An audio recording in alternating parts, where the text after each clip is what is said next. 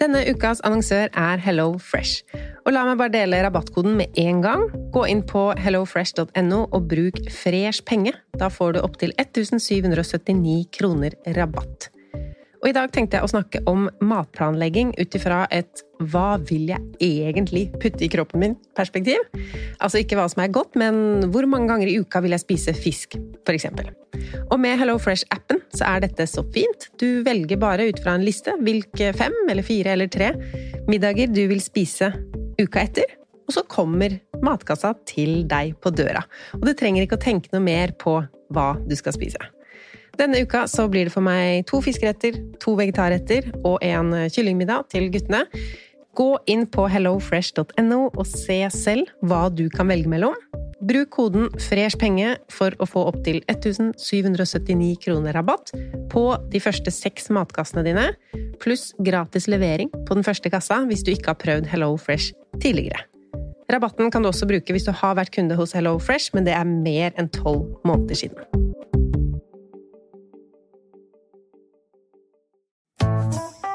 Har du et enkeltpersonforetak eller en liten bedrift? Ikke det? Nei. Nei, men da holder vi det enkelt og gir oss her. Fordi vi liker enkelt. Fiken superenkelt regnskap.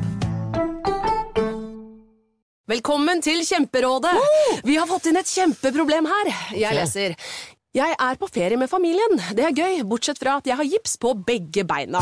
Kan ikke bade eller dra noe sted. Jeg føler meg veldig begrenset. Hilsen begrenset far. Begrenset far trenger ubegrensethet. Yes. Ja, Kanskje ubegrenset data fra 399 med familierabatt hos Telenor? Ja, det løser jo alt! Bortsett fra det med badingen, da. Se nye mobilabonnement på telenor.no. Yes!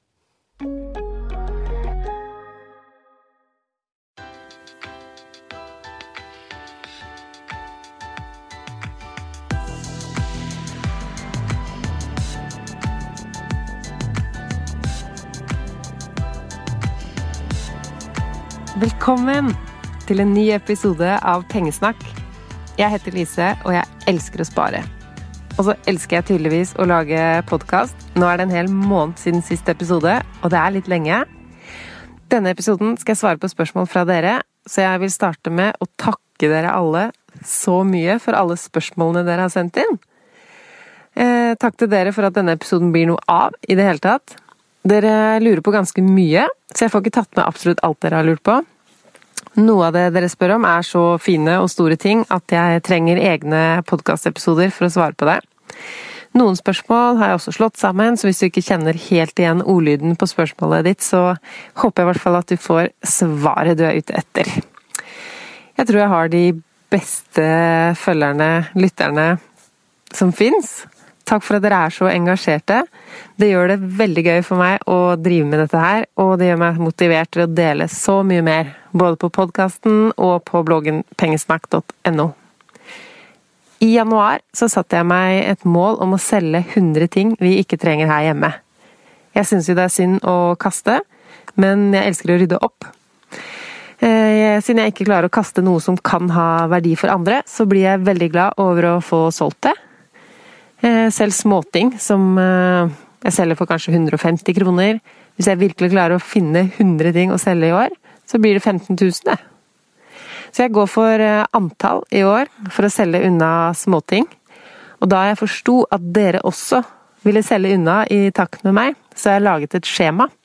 Et sånt grønt skjema hvor man kan krysse av på noen små rundinger etter hvert som dere selger.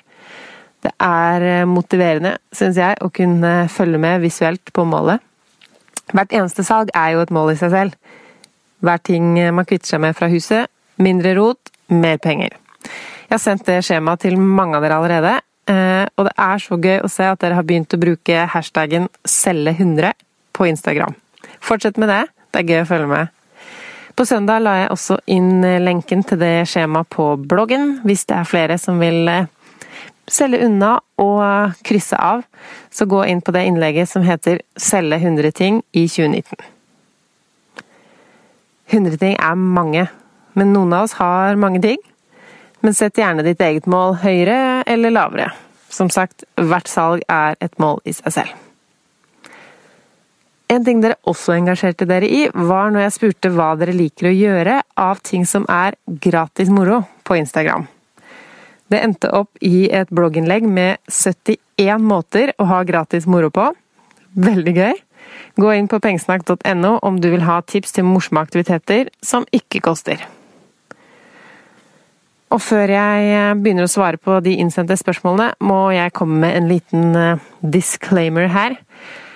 Jeg svarer på spørsmålene ut ifra hvordan jeg tenker og hva jeg ville gjort. Jeg er ikke økonom, så um, ta svarene mine mer som innspill enn uh, fasit. Det tenker jeg uansett er sunt å ta alle råd med en uh, liten klype salt.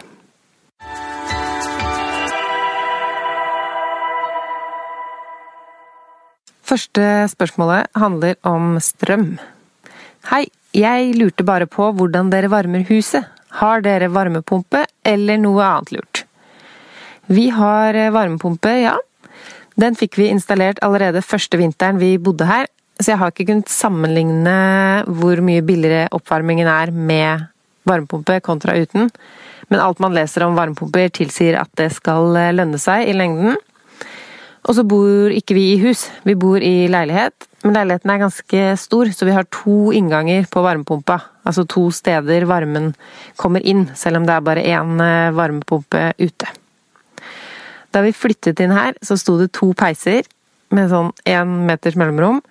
Så vi kunne ha fyrt med ved, men vi bor i femte etasje og er ikke veldig lystne på å bære masse ved opp hit. Så da ble det varmepumpe, og det er vi veldig fornøyd med.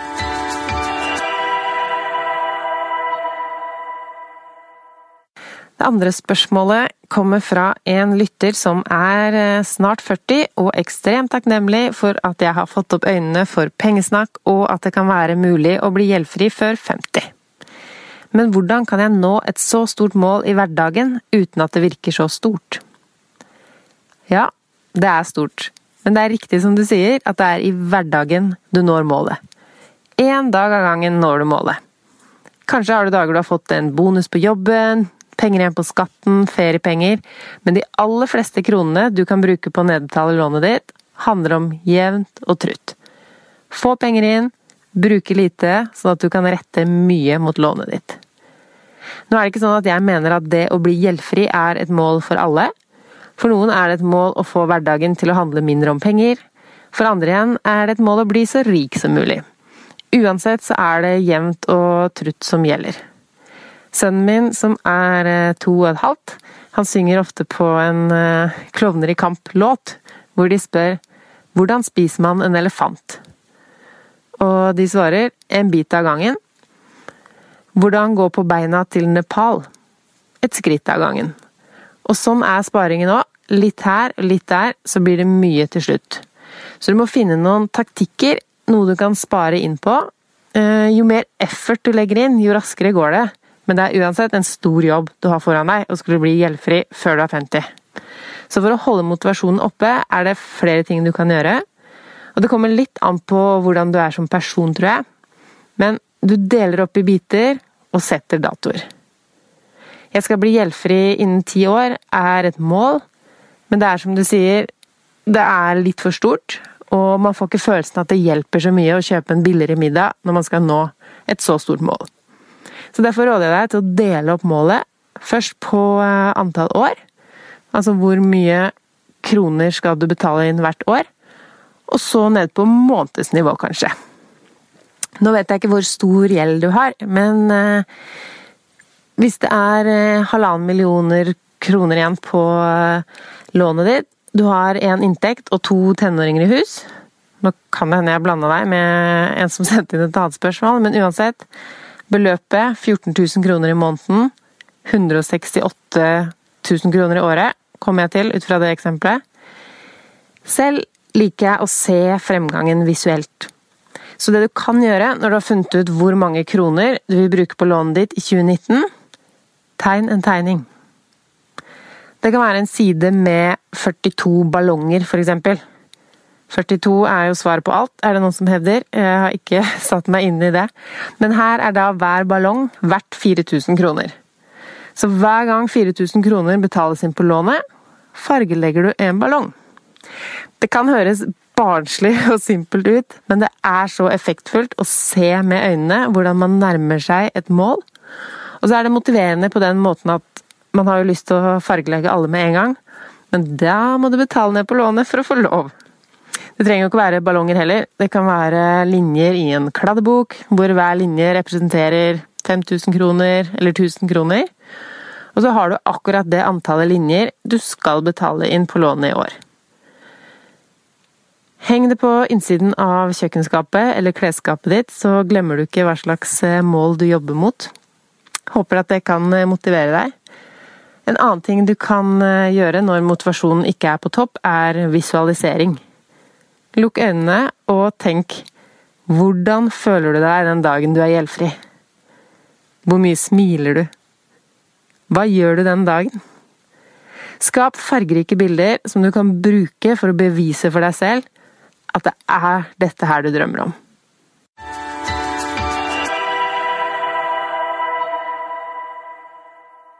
Tredje spørsmålet. Er du ikke bekymret over at du bruker så mye tid på sparing? Du vet jo ikke om du f.eks. blir syk om 10-15 år.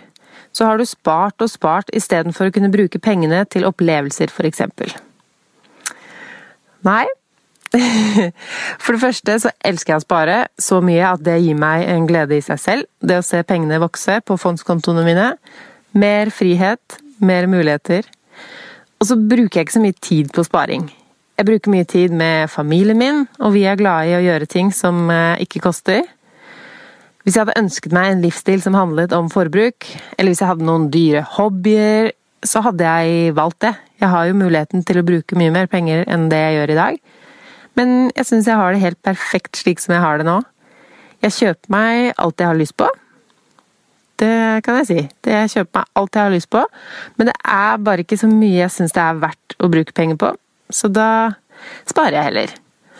Og det gjør jeg med en gang penger kommer inn. Har et automatisk trekk fra lønnskontoen den dagen lønnen kommer inn. Så det tar ikke så lang tid. Sparinga er ganske automatisk. Og det er noe jeg anbefaler alle dere som har lyst til å spare mer, å spare på dag én. Den dagen du får penger, eller dagen etter. Gjør det automatisk. Du kan sette opp i nettbanken din sånn autotrekk.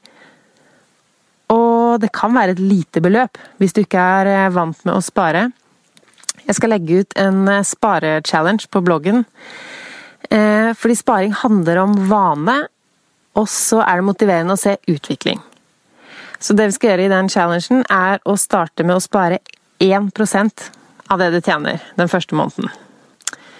1 får du til. Ehm, så neste lønningsdag, sett 1% rett inn på sparekonto. Hvis du tjener 25 000 kroner i måneden, så er det 250 kroner. Det er penger. Og så kommer tvisten, for allerede måneden etter så skal vi øke til 2% 500 kroner. Og da må du kanskje kutte ut noen småkjøp i løpet av den måneden for å kunne spare de 500. Eh, I mai skal vi spare 3% av lønna. 750 kroner hvis eh, vi tar fortsatt utgangspunkt i den lønnen på 25 000 kroner. Kan du slette et abonnement du ikke bruker, kanskje? For som dere har skjønt, dette sparebeløpet vokser i hele år, så du må finne et sted å spare det inn på. Hvis du da har den strategien veldig mange har, lønn inn, forbruk til det er tomt, og så repeat, lønn inn, forbruk til det er tomt, da merker du kanskje ikke at disse 250 kronene ganger 1, 2, 3, 4 flyr ut fra kontoen din og lander trygt på en sparekonto. I juni er vi oppe i 4% 1000 kroner sparing. Det kan hende det er maksen din, og at et fast trekk på 1000 kroner er det du skal spare. 4% av lønnen i dette eksempelet her. Hvis du har gjeld og sånt ved siden av, så er det kanskje 1000 kroner. Hvis du følger det, har du 1.1.2020 8000 kroner på din eh, nye bufferkonto. Nok til å kjøpe en vaskemaskin og betale en parkeringsbot. Hvis du klarer å følge systemet videre med å eh, øke med 1% i hele 2019, 250 kroner mer, så er vi i desember oppe i 10 av lønna. 2500 kroner i sparing hver eneste måned. Om lønnen din er 25 000, Jeg har en lønn på 30 000, så for meg vil det bli 3000 kroner. Tjener du mer, så blir det enda mer. Ehm, men med det 25 000 kroners eksempelet er du da oppe i 13 750 kroner på sparekontoen din etter 2019.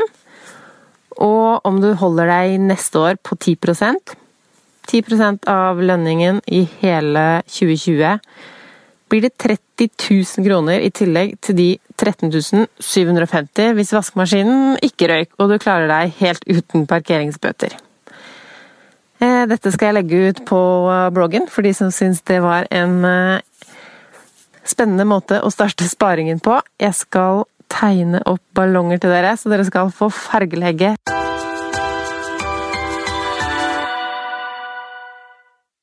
Spørsmål nummer fire. Jeg vil gjerne høre hvordan du har klart å nedbetale lånet i så ung alder. Hvor gammel var du da dere kjøpte?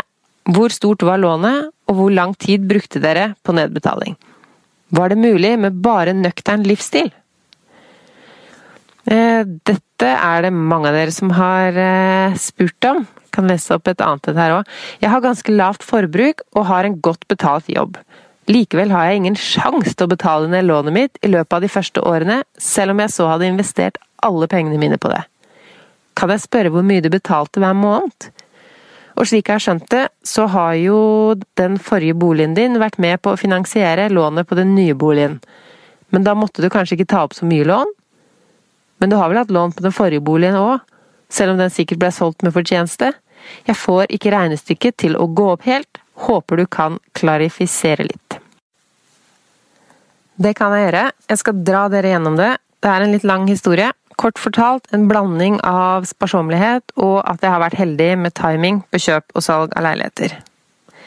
Jeg begynte å spare tidlig, ble fascinert av renter allerede på barneskolen. Jeg tror det har bidratt til min eh, spareglede. Vi skulle på leirskole. Jeg er vel ti år omtrent her, og eh, vi skal lære oss å spare. Så læreren vår eh, tar med oss på sykkeltur, og vi får utdelt hver vår gullbok i eh, Postsparebanken. Og der står det at det er 5% renter, tror jeg det var. 5% av 1000 kroner er jo en femtilapp. Kunne jeg få 50 kroner gratis for å la pengene stå i banken istedenfor å ha dem i sparegrisen? Det var helt Hæ? Jeg var jo allerede sparsom, og de femtilappene jeg fikk i bursdagsgave, de ble spart. Så jeg hadde jo noen penger eh, hjemme som jeg da satt i banken for å få renter. Første sparemålet mitt, sånn konkret som jeg husker, var hus. Jeg begynte å spare til det når jeg var 15. Jeg tenkte da at jeg trengte en million for å skaffe meg et hus, så det var jo bare å starte. Én million holder jo ikke til noe hus i dag, men så finnes det heldigvis lån som kan hjelpe oss inn på boligmarkedet om vi har spart opp en del selv. Jeg jobbet gjennom hele videregående. Hver tirsdag annenhver helg var jeg på jobb i bakeriet. Jeg jobba fulltid om sommeren.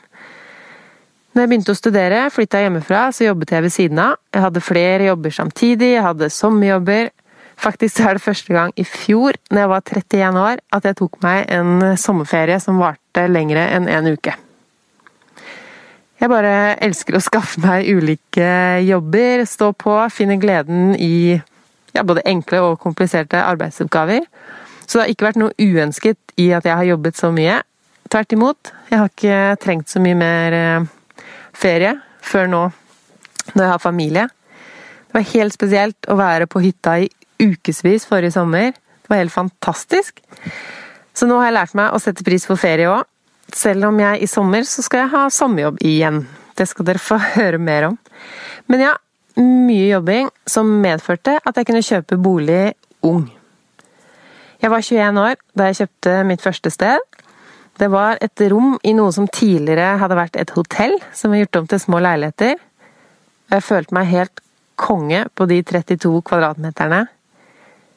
Det var en leilighet i et borettslag med lavt innskudd og høy fellesgjeld, så jeg trengte faktisk ikke å ta opp et eget lån for å kjøpe den. Summen den eh, kostet 280 000 kroner, og det fulgte da med et lån på ca. 800 000. Så det var dyrt å bo der. Når renten var litt høyere under finanskrisen, så kostet det mer enn jeg fikk i studielån hver måned. Men jeg jobbet på butikken, passet barn, tok også noen småjobber på universitetet. Så jeg fikk det til å gå rundt og hadde det bra. Leiligheten eide jeg i fem år, og solgte den for litt over 700 000. Altså hadde den steget 450 000 kroner for meg. Mesteparten av det var boligprisøkning, men jeg overlot også et mindre lån til nestemann. Så da jeg kjøpte leilighet igjen, så var det i Oslo. Jeg hadde også greid å spare litt ved siden av eh, Fordi jeg hadde eh, I halvannet år så hadde jeg jobba før jeg tok siste året på universitetet. Så jeg tok så lite lån som overhodet mulig da jeg kjøpte leiligheten min i Oslo. Når lånet er mindre, så har man jo mulighet til å faktisk betale det ned. Når et lån er eh, ganske høyt, så er det så mye renter på det, og man får ikke betalt så mye mer enn rentene hver måned.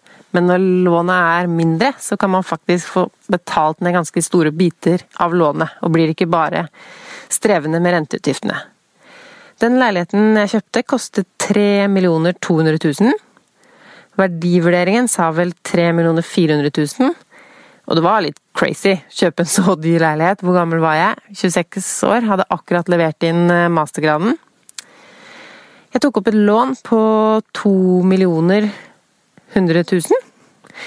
Så jeg hadde 725 000 fra det leilighetssalget. Eh, det er altså ca. 300 000 var sparing, og resten var boligprisvekst. Pluss penger jeg hadde på eh, sparekonto. Når jeg regner på dette i dag, så skjønner jeg ikke helt hvordan jeg hadde 350 000 kroner på sparekonto, men eh, det lønner seg å jobbe mye. Jeg har gjort så mye forskjellig. Jeg var bl.a. blant annet Tupperware-konsulent. Jeg jobber jo med emballasje i dag, så jeg er kanskje ikke så fjernt, men jeg elsket den jobben. Kjørte rundt med plastbokser, bakesaker og alt mulig hjem til folk hadde demonstrasjoner hvor vi laget mat, og solgte alle plastdingsene mine. Sånn var det. Jeg synes uansett at over to millioner i lån var mye. Så jeg startet med 15 000 i månedlige avdrag. Det dro løpetiden på lånet fra de 25 årene som banken foreslo, til 15 år. Og jeg hadde fått meg fast jobb før jeg leverte masteroppgaven. Var veldig heldig der. Så det gikk greit å betjene det lånet. Jeg fikk til og med spart litt eh, ved siden av. En fordel med at jeg hadde kjøpt min første bolig tidlig og sparte ved siden av, er at jeg hadde råd til å kjøpe en leilighet med to soverom da jeg flyttet til Oslo. I tankene mine så var det ene rommet et walk-in closet, kontor, noe sånt. Men mens jeg gikk og venta på å flytte inn, så fikk jeg vite om en eh, fyr som flere jeg kjenner kjente, og som trengte et rom i Oslo. Business, business, tenkte jeg, i tillegg til at jeg var en selskapssyk person, så det passet utrolig bra med en leieboer. Vi delte leiligheten en stund, og jeg fikk 5500 kroner av han leieboeren hver måned. Så det dekket jo mye av forbruket mitt. Så jeg fikk igjen spart ved siden av eh, boliglånsavdragene. Det sparte jeg på en vanlig sparekonto. Jeg hadde jobb med full lønn, men jeg endra ikke vanene mine så voldsomt mye. Jeg kjøpte litt mer klær hadde litt sånn shopping eh, etter mange år som student, så følte jeg at jeg trengte en litt mer eh, voksen garderobe, så jeg kjøpte en del klær. Men ellers så var ikke stilen min så veldig dyr. Så jeg hadde penger igjen hver måned. Etter en stund så traff jeg jo mannen min. Da vi flytta sammen, leide jeg ut min leilighet. Fant ganske fort ut at utleie av bolig ikke er min greie. Det er så klart lønnsomt, men det er mye som kan skje, så jeg ville heller selge den leiligheten. Men da jeg ville selge, så fikk jeg ikke solgt den, fordi det var en byggeprosess på nabotomta som gjorde at eh, bygget leiligheten lå i, holdt på å rase sammen. Ja, det holdt kanskje ikke på å rase sammen, men det ble mye sprekker, skjevheter, så leilighetene i blokka ble vurdert til å være uomsettelige før dette var fiksa opp i. Iallfall før det ble bestemt hvem som skulle fikse opp i det. Det var så klart de som hadde fått alt sammen til å rase, som eh, måtte sette det sammen igjen, men den prosessen tok jo litt tid. Jeg eh, hadde slått hodet mitt på den tiden og lå aller mest inne på et mørkt rom, så jeg fikk jo ikke brukt noen penger i det hele tatt, annet på, enn på mat og fysioterapi. Så da nedbetalte jeg mer på lånet. Da jeg solgte, tok budrunden helt av. Leiligheten ble solgt for 4 millioner 700 000. Halvannen million mer enn jeg ga for den et par år før. Men før dette salget hadde jeg og mannen kjøpt en felles leilighet. Det er her vi bor nå. Og det regnestykket eh, brukte vi litt tid på. Mannen min er opptatt av å bo fint. Heldigvis, for det er jeg også. Setter pris på å ha det koselig og romslig fint hjemme. Han i enda større grad enn meg, og i enda større leiligheter. Han er også 10-11 år eldre enn meg, og hadde mer egenkapital da vi møttes. Og da vi kjøpte sammen, hadde jo ikke jeg fått solgt min leilighet enda, så jeg hadde ikke noe egenkapital i det hele tatt. Jeg hadde betalt inn på lån, jeg. Og så tenkte vi litt langsiktig. Skulle vi eh, dele 50-50? Hvordan ville vi ha det?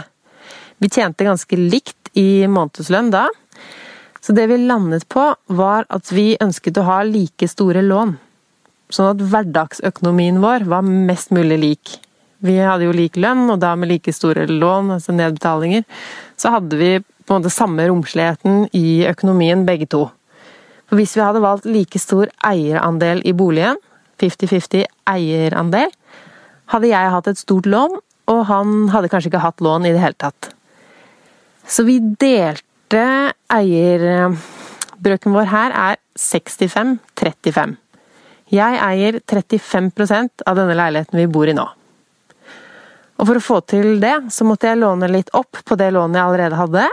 En halv million, tror jeg det ble. Og så delte vi eierandelen i eh, min mindre leilighet for at jeg skulle føle at jeg eide her jeg bor nå også, mens vi ventet på å kunne selge min. Det gjorde jo da at når salget gikk så bra på min leilighet, så var ikke hele gevinsten min, men den ble delt på oss begge. Allikevel var det nok til at mitt boliglån ble innfridd. Veldig nøyaktig akkurat nok. Så siden da har ikke jeg hatt boliglån. Kjempedeilig følelse. I fjor betalte mannen min siste avdrag på sitt lån. Jeg hadde vært litt ivrigere på nedbetaling enn han i starten. Så vi har det tipp topp. Jeg kan jo fortelle dere litt om eh, denne leiligheten.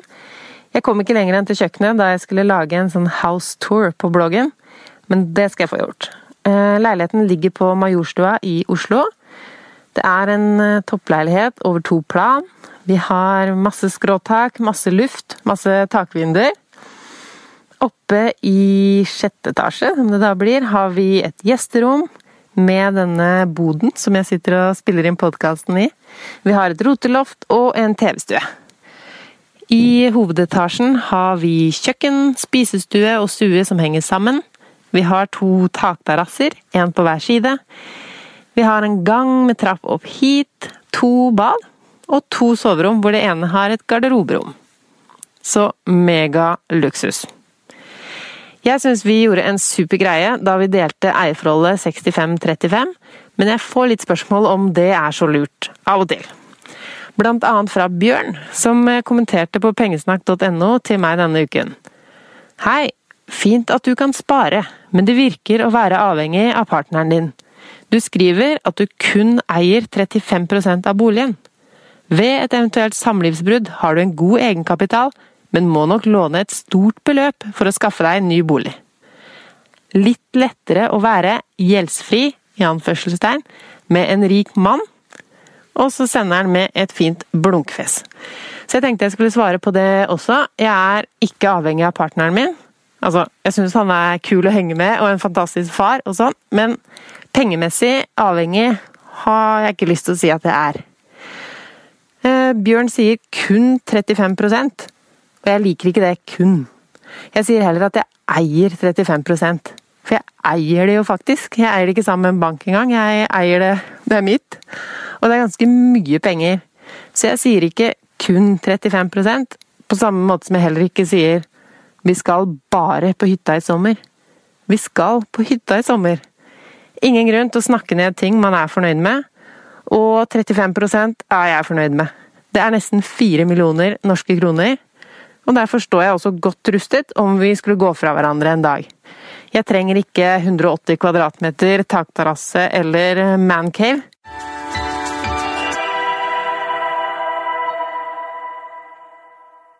Vi har bare kommet gjennom fire spørsmål, så jeg tror jeg må dele opp det her i eh, to, eller kanskje til og med tre podkaster. Så jeg tar eh, et par spørsmål til i dag, og så eh, lager jeg flere episoder i løpet av de neste ukene. Hvis du ikke abonnerer på denne podkasten, så kan du gjøre det. Legg gjerne igjen en anmeldelse også. Det er gøy for meg å få tilbakemeldinger på hva dere synes om podkasten. Skroll litt ned når du er inne på Pengesnakk podkast. Under bildet av meg der, så finner du eh, hvor du kan legge igjen stjerner og skrive en kommentar. Så har jeg også startet med e-post. Altså sende e-poster til dere. Så hvis du ikke har fått meldt deg på den e-posten enda, så kan du gjøre det nå på pengesnakk.no.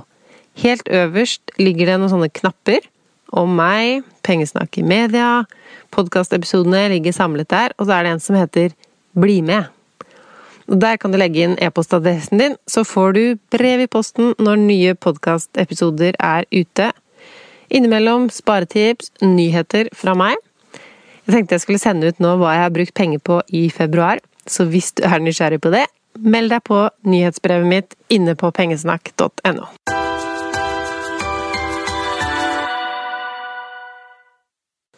Hei! Jeg trenger dine råd til hvordan du ville ha investert tre millioner kroner som en har mottatt som arvepenger. Setter stor pris på om du kunne gitt meg så konkrete og spesifikke tips som mulig.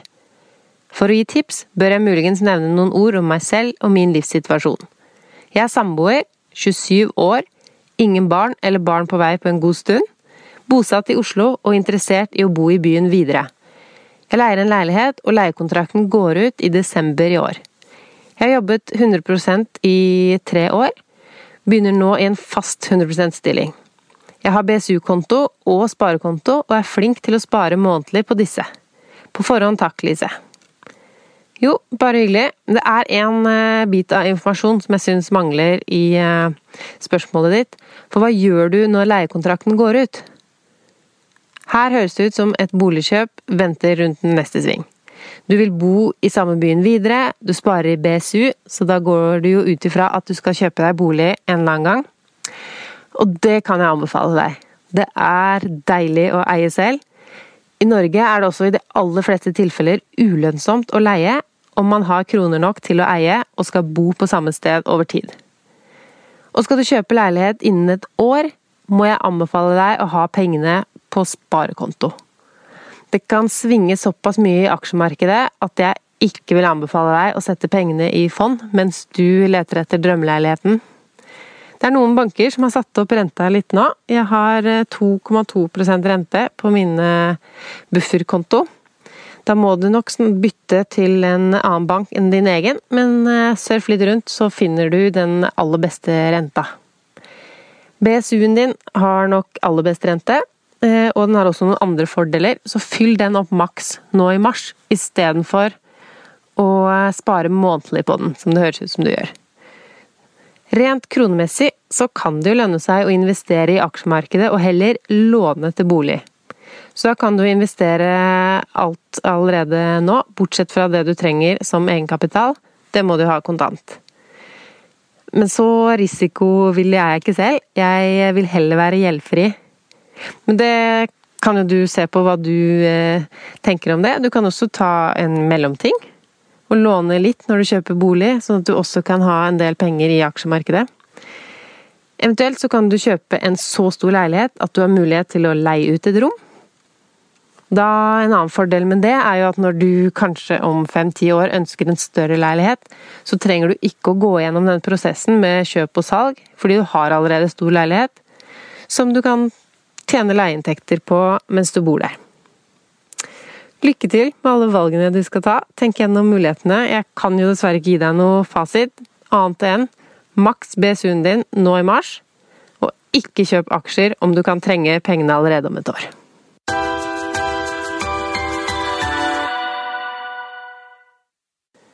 Hei, jeg har et helt konkret spørsmål som skal realiseres om 24 måneder. En pent brukt ny bil. Jeg gleder meg. Jeg ser på meg selv som en god sparer, og klarer å spare omtrent 10 000 kroner per måned øremerket til dette formålet. Spørsmålet mitt er som følger. Hva bør jeg plassere pengene i når jeg sparer i disse to årene? Slik jeg ser det, har jeg tre valg. På høyrentekonto, i fond, eller betale det inn på boliglånet, som er på omtrent 800 000 i dag. Hvilken av disse sparemodellene vil du anbefale, eller er det andre sparemuligheter? For ordens skyld, bilen jeg har i dag vil forhåpentligvis kunne selges for omtrent 200 000 om to år, og jeg ser for meg å låne i tillegg, da bilen jeg ønsker meg ligger i prisklassen 500 000-600 000 kroner. Det var dyr bil, er det første jeg tenker. Jeg trodde jeg fleska til i fjor med en bil til 300 000, men ok, du gleder deg, og det er herlig å høre at du sparer opp til det du ønsker deg. To år er altfor kort for fondssparing. Da står vi igjen med alternativene høyrentekonto eller nedbetaling på boliglånet. Og da er det to ting du må tenke på. Det første er renteforskjellen mellom huslånet og renta du kan få ved å ha pengene på konto. Som jeg svarte i forrige spørsmål, så er det mulig å få 2,2% på eh, sparekonto nå. Har du en lånerente som er mye høyere enn det, så kan du jo Altså For det første så kan det være en idé å spørre om lavere rente, men da kan det også lønne seg å betale ned på boliglånet. Men hva gjør du når bilen da skal kjøpes? Da har du jo ikke kontantene, og det påløper vel gebyrer om du vil låne opp igjen. Det, du må sjekke med banken hvilke gebyrer det er snakk om, og om du allikevel vinner på å betale ned lånet underveis. Og hvis du skal låne på bilen i tillegg, så går jeg ut ifra at du vil øke lånet på boliglånet. Så da vil du jo øke det uansett. Eh, da ville jeg prioritert boliglånet om renten er høyere enn 2,2 effektiv rente, og forsikret meg om at jeg kan øke lånet om 24 måneder og drømmebilen skal kjøpes.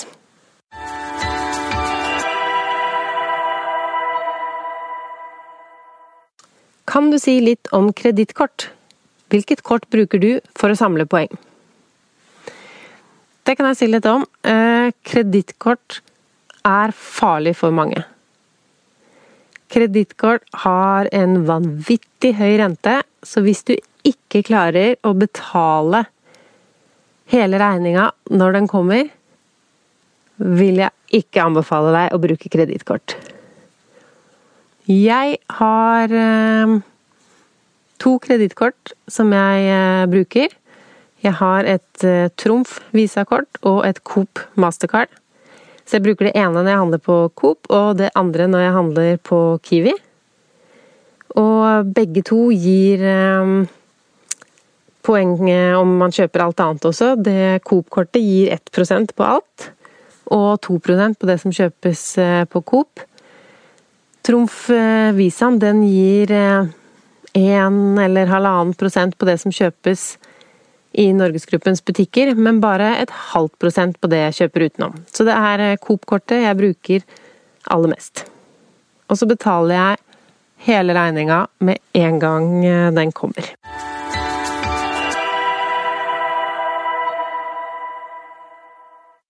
Hvor mye har du i matbudsjett per måned på hele familien? Gjelder ikke spise ute. Nei, vi spiser ytterst sjelden ute. Vi har nesten slutta med takeaway også, etter vi fikk barn. Før hadde vi takeaway hver søndag og syntes at det var en fin ting. Men nå syns vi ikke det er så interessant lenger med takeaway Sundays. Men mat og dagligvarer hadde vi i fjor 6600 i snitt de første seks månedene. Det er litt mye, tenker jeg. Når jeg så hva vi hadde brukt nå i februar, så hadde vi brukt under 4000. Vi får se. Eh, vi har blitt litt flinkere med ukesplan, og fra 1. mars skal vi også teste et eh, lite konsept som kan bidra til lavere forbruk på mat. Det skal dere få følge med på. Eh, men vi brukte altså 6006 i snitt i fjor, og det er akkurat det SIFO, Statens institutt for forbruksforskning, sier at vi kan bruke med den familiestørrelsen vi har. Det var seks måneder vi ikke var veldig bevisste, så det blir spennende å se hva man kan komme ned på når man er bevisst.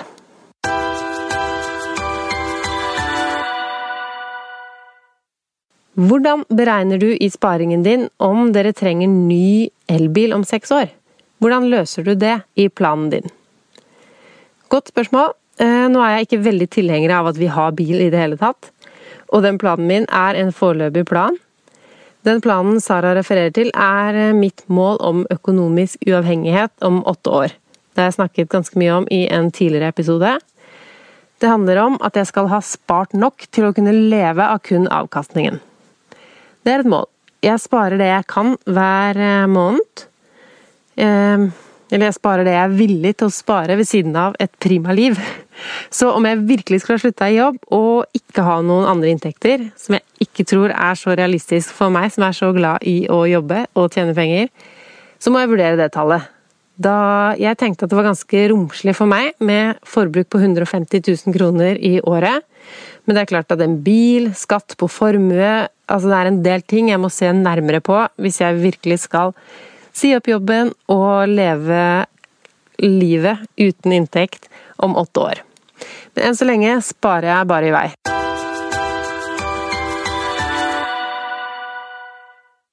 Hvor mye bruker familien din på godis og potetgull i måneden? Jeg fikk helt hakeslepp da jeg så den mailen her. Det var mandag kveld, og jeg hadde nettopp kommet hjem fra yoga. Da jeg var på vei hjem, så hadde mannen min sendt meg en SMS om at han ville ha en frossenpizza.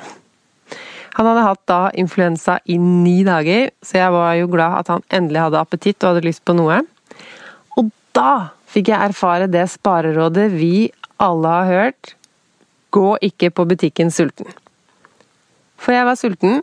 Det endte opp med å kjøpe en hel pizza til meg, og en hel pizza til han. For så vidt greit. Men så lasset jeg oppå med en pose potetgull. Og jeg eh, kjøper vanligvis ikke potetgull, jeg er ikke så fan av det. Men jeg var sulten, og jeg kjøpte noe jeg ikke trengte. Og så kommer jeg hjem og får spørsmålet hvor mye penger jeg bruker på potetgull. Det er første gang i år jeg kjøper potetgull, så eh, svaret for i år er ca. 10 kroner i måneden. Null poser i januar, én pose i februar. Men sjokolade er vi litt glad i. Kjøper vi av og til. Annenhver helg, kanskje. Ja, skal jeg si 100 kroner i måneden på sjokolade? 150. Dette var gøy å svare på spørsmålene deres. Jeg kommer jo ikke så langt gjennom eh, lista her når jeg eh, babler i vei, men det gjør at det blir flere episoder. Har du et spørsmål som eh, jeg ikke snakket om i dag, og som du ikke har sendt inn før, send det inn, så spiller jeg inn en ny episode om et par uker, hvor jeg kan svare på ditt spørsmål også. Det var det for denne gangen. Da kommer det en ny podkastepisode om et par uker.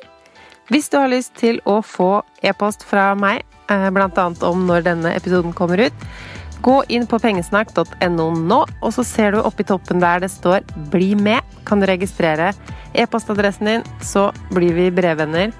Inntil neste gang så er jeg å finne på bloggen pengesnakk.no og på Instagram.